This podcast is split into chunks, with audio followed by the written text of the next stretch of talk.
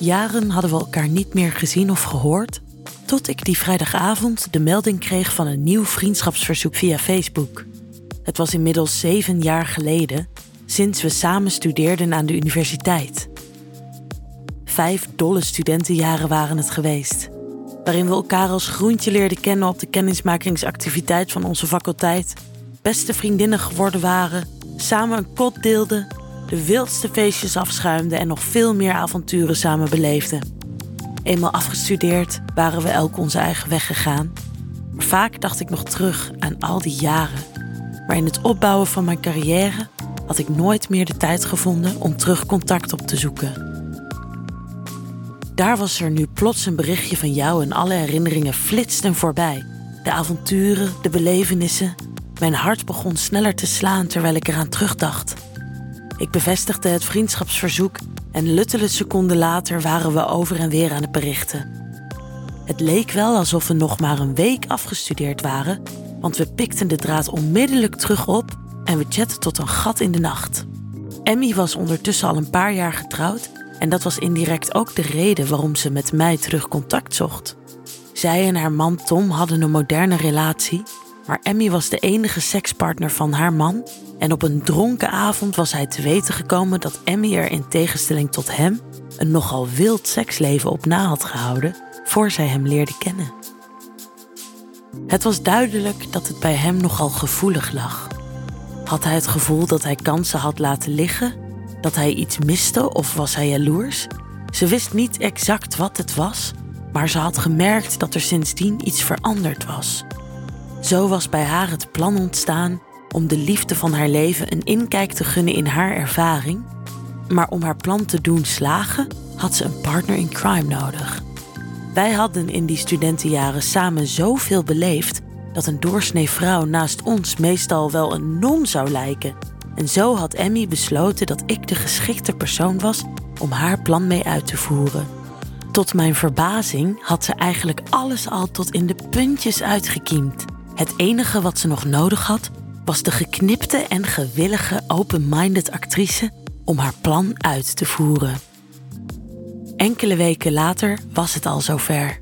In een sexy topje, een strakke jeans en witte sneakers bel ik aan bij Tom en Emmy. Tom opent de deur en kijkt enigszins verbaasd naar me.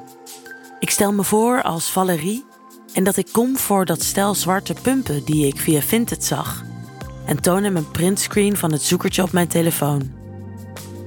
Tom verontschuldigt zich. Daarvan was hij blijkbaar niet op de hoogte. Maar hij nodigt me uit om binnen te komen terwijl hij even zijn vrouw zal bellen om te horen of ze binnenkort thuis komt. Emmy zit om de hoek van de straat in de auto, maar zegt Tom dat ze in de eerste twee uur nog niet thuis kan zijn. Zoals afgesproken liggen die pumps nog op jullie slaapkamer en stelt Emmy voor dat Tom ze daar toont en laat passen voor de grote spiegel. Nu begin ik pas echt aan mijn opdracht. Jij laat me voorgaan op de trap die ik gezwind opga. Ik voel hoe jouw geile ogen op mijn rug branden. Ik moet mijn best doen om niet vanzelf door te wandelen naar de slaapkamer, waar ik twee dagen geleden nog met Emmy was om het plan in detail te bespreken, maar waarvan ik natuurlijk niet hoor te weten achter welke deur die zich bevindt. Ik zet een stapje opzij en laat je naast me langs, zodat jij me de weg kan wijzen, waarna je de slaapkamerdeur opent voor mij. Je verdwijnt even in de aangrenzende dressing en wanneer je terug verschijnt, heb ik net plaatsgenomen op het bed. Dit zouden ze moeten zijn, zeg je me. Ja, dat zijn ze, bevestig ik. Emmy zei me dat je ze best hier kon passen, dan kan je de spiegel gebruiken. Ik bedank je en trek mijn sneakers uit om de pumps aan te trekken. Ze zitten als gegoten, maar dat wist ik al natuurlijk. Bovendien deelden Emmy en ik in het verleden al wel meer dan schoenen alleen. Ik sta recht en begin te paraderen voor de grote spiegel. Als een fotomodel poseer ik op de verschillende manieren en doe mijn uiterste best om duidelijk te maken dat ik nog aan het twijfelen ben. In de spiegel zie ik hoe je ogen mijn lichaam keuren. Ze glijden over mijn lange benen naar mijn billen en terug. Je geniet ervan om hier in jullie slaapkamer een andere vrouw te keuren. Dit geeft me voldoende zelfvertrouwen om het plan verder te zetten. Ik twijfel nog wat, zeg ik. Oh ja, ik vind je er fantastisch mee staan, zeg je me. Ik heb het jurkje bij me waarmee ik het zou willen dragen, vertel ik. Zou het je storen als ik ze even samenpas?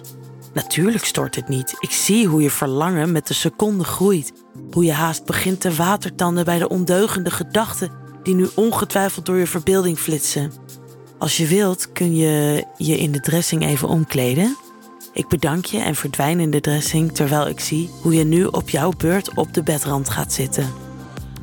Ik neem het jurkje dat Emmy me eergisteren gaf uit mijn tas, trek mijn jeans en topje uit en trek het jurkje aan. Het is nog korter dan ik dacht. De stof komt maar net tot onder mijn bibs. Ik trek panties aan en glij in de pumps. Wanneer ik terug uit de dressing kom, merk ik dat je je haast verslikt. Als je tot een paar minuten terug misschien nog aan het twijfelen was, dan ben ik nu wel zeker dat ik je over de streep getrokken heb. Ik ga voor de spiegel staan, neem opnieuw een paar poses aan en vraag onmiddellijk wat jij ervan vindt. Het staat je ongelooflijk goed. Met die jurk lijken je benen wel eindeloos, bevestig je me. Ik bedank je terwijl ik nog net wat aan het jurkje pruts en je zo doelbewust nog net dat tikkeltje meer inkijk op mijn billen geef. Het was 80 euro, toch hè? Ja, dat zei Emmy me daar net ook aan de telefoon, zeg je. Ik vind ze waanzinnig mooi, maar 80 euro vind ik wel wat veel. Nou, je hebt mijn namiddag wel opgeleukt. Misschien kunnen we er 60 van maken? Je hapt toe, net zoals Emmy had verwacht.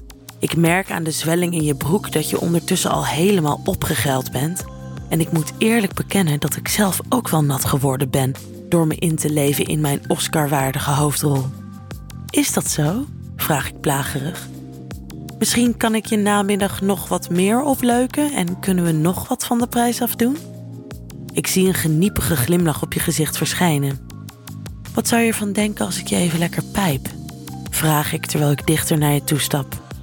Ik hoorde je daarnet zeggen dat je vrouw nog wel even wegblijft. Ik zie een kleine aarzeling in je blik, maar die kans geef ik je niet. Ik sta ondertussen recht voor je en kniel voor je neer, terwijl ik je broeksriem losmaak en je jeans openrits. Ik denk dat we wel iets kunnen overeenkomen, zeg je haast fluisterend. Ik laat je jeans tot op je enkels vallen en haal je paal uit je boxershort. Ik snap wel waarom Emmy jou niet meer heeft laten gaan. Je bent groot geschapen. Het bezorgt me een flashback naar een dronken avond op ons kot, waarbij we een triootje hadden met de pizzabezorger. Die was net zo groot geschapen en we beleefden toen een van de meest memorabele nachten uit ons leven. Ik heb het gevoel dat dit ook weer zo'n memorabel moment zou kunnen worden. Met die geile déjà vu in mijn gedachten ga ik gretig aan de slag en neem ik je eikel in mijn mond terwijl ik je geaderde schacht met mijn linkerhand masseer. Je begint te rijden en met elke beweging stoot je jezelf dieper in mijn mond naar binnen. Ik merk hoe geil je bent. Er is geen sprake van liefde of tederheid. Dit is pure lust. Ik geniet ervan om te voelen hoe ontketend je bent, hoe je mijn mond neukt. Maar dan stop je. Het hoeft me niet te verbazen. Je wil je niet beperken tot een voorgerechtje. Nu je geproefd hebt, wil je het volledige menu. Je trekt me omhoog en gooit me voor je neer op het bed. Je spreidt mijn benen open, het jurkje glijdt over mijn heupen en de nylon heeft een open kruisje waaronder ik natuurlijk geen slipje meer aan heb sinds ik in de dressing het jurkje aantrok. Je duikt tussen mijn benen en begint mijn gladgeschoren lipjes en mijn klitje te likken. Ik kreun luid terwijl ik lig te genieten, terwijl stilaan het besef tot me doordringt dat Emmy's man me aan het beffen is. Je bewegingen voelen bekend aan. Emmy heeft je duidelijk veel geleerd, want heel even lijkt het wel of ik terug op ons kot op mijn bed lig en het Emmy's tong is die mijn geile lipjes aan het likken is. Die gedachte maakt me helemaal gek. Hoe vaak heb ik mezelf de laatste jaren niet klaargevingerd met die herinneringen en Emmy's hemelse aanrakingen? Het enige verschil is dat jij me rauwer beft zonder enige emotie. Dit is haast dierlijk je beft me alsof ik een prooi ben die je aan het verslinden bent. En ook dit gevoel is heerlijk. Ik voel hoe ik met elke aanraking de controle meer en meer verlies. Ik kreun luider en luider en voel hoe een intens orgasme zich langzaam van mij meester maakt. Ik ga met mijn hand door je haren en klem je vast tussen mijn dijen. Het maakt jou alleen maar wilder en meer vastbesloten om me te laten klaarkomen. Je tong cirkelt nu over mijn klitje Ik hou het niet langer meer uit. Mijn hele lichaam begint te schokken terwijl ik kronkelend en luid kreunend klaarkom. Onafgebroken blijf je me likken. Je laat niets van mijn geile sappen op de satijnen lakens druppen. Niet zozeer om geen sporen na te laten, maar wel omdat je geen druppel van mijn geil wil verspillen. Dan kom je terug rechtop zitten en zeg je: Nu is het mijn beurt. Ik zeg niets, maar lig nog half verdoofd op het bed met mijn benen wijd gespreid en een nagloeiende kut en kan alleen maar bevestigend knikken. Je trekt me terug overeind en neemt me mee tot bij de spiegel. Hier ga ik je neuken, gebied je me. Daar droomde je al van vanaf de eerste seconde dat je voor deze spiegel stond, toch? Opnieuw kan ik alleen maar bevestigend knikken. Ik kijk naar mezelf in de spiegel. Ik zie eruit als een luxe escort in het zwarte niemendalletje en die hoge pumps. Je duwt me lichtjes naar voren. Ik zet mijn handen tegen de spiegel aan terwijl ik me schrap zet voor wat volgt. Ik voel hoe je je eikel tegen mijn kletsnatte lipjes plaatst. Zie in de spiegel hoe je blik, net zoals je handen over mijn billen en kontje glijden. Je grijpt mij stevig vast bij mijn heupen, waarna je in één harde stoot jouw gespierde lid tot diep in mijn natte spleetje beukt. Ik schreeuw het uit van pijn en genot. Ondertussen ram je jouw mannelijkheid onafgebroken bij elke stoot dieper en dieper bij me naar binnen. Ik zie in de spiegel hoe je wild tekeer gaat. Je neukt me zo rauw, trekt me tegen je aan om je vervolgens nog dieper en harder in me te boren. Ik sta te trillen op mijn benen. Je stormram beukt me alsmaar sneller en harder in mijn druipnatte grotje. Mijn lipjes tintelen terwijl ik met mijn klitje speel. Je neemt me vast bij mijn haren en trekt me tegen je aan terwijl je jouw hoofd in mijn nek begraaft. Ik kom bijna, fluister je in mijn oor. Spuit me vol, smeek ik je. Nog een seconde later voel ik hoe je kloppende paal een grote lading zaad in mijn kutje pompt. Een paar minuten lang blijven we daar zo staan. Jouw lul blijft ritmisch kloppen en kleine naschokjes zaad in het diepste van mijn kutje spuiten. Dan verslapt je greep en laat je jouw halfharde lid uit me glijden. Die pumps heb je nu zeker wel verdiend, knipoog je me. Dank je, zeg ik je. Als je vrouw nog eens iets verkoopt, ben ik zeker geïnteresseerd, zeg ik ondeugend, terwijl ik me fatsoeneer en terug begin aan te kleden. We gaan samen naar beneden en je laat me buiten. Ik bedank je voor de pumps terwijl ik me wegdraai en ik zeg: Doe de groetjes aan Emmy. Het is al even geleden dat ik haar nog eens zag. Ik zie vanuit mijn ooghoek hoe jij haast verkleurt terwijl ik de straat inwandel en ik kan alleen maar denken hoe enorm ik verlang tot Emmy me straks het signaal geeft dat we met z'n drieën aan een lekker lang weekendje beginnen. Wil jij nou meer spannende verhalen? Luister dan naar Charlie's Avonturen, een podcast van Easy Toys.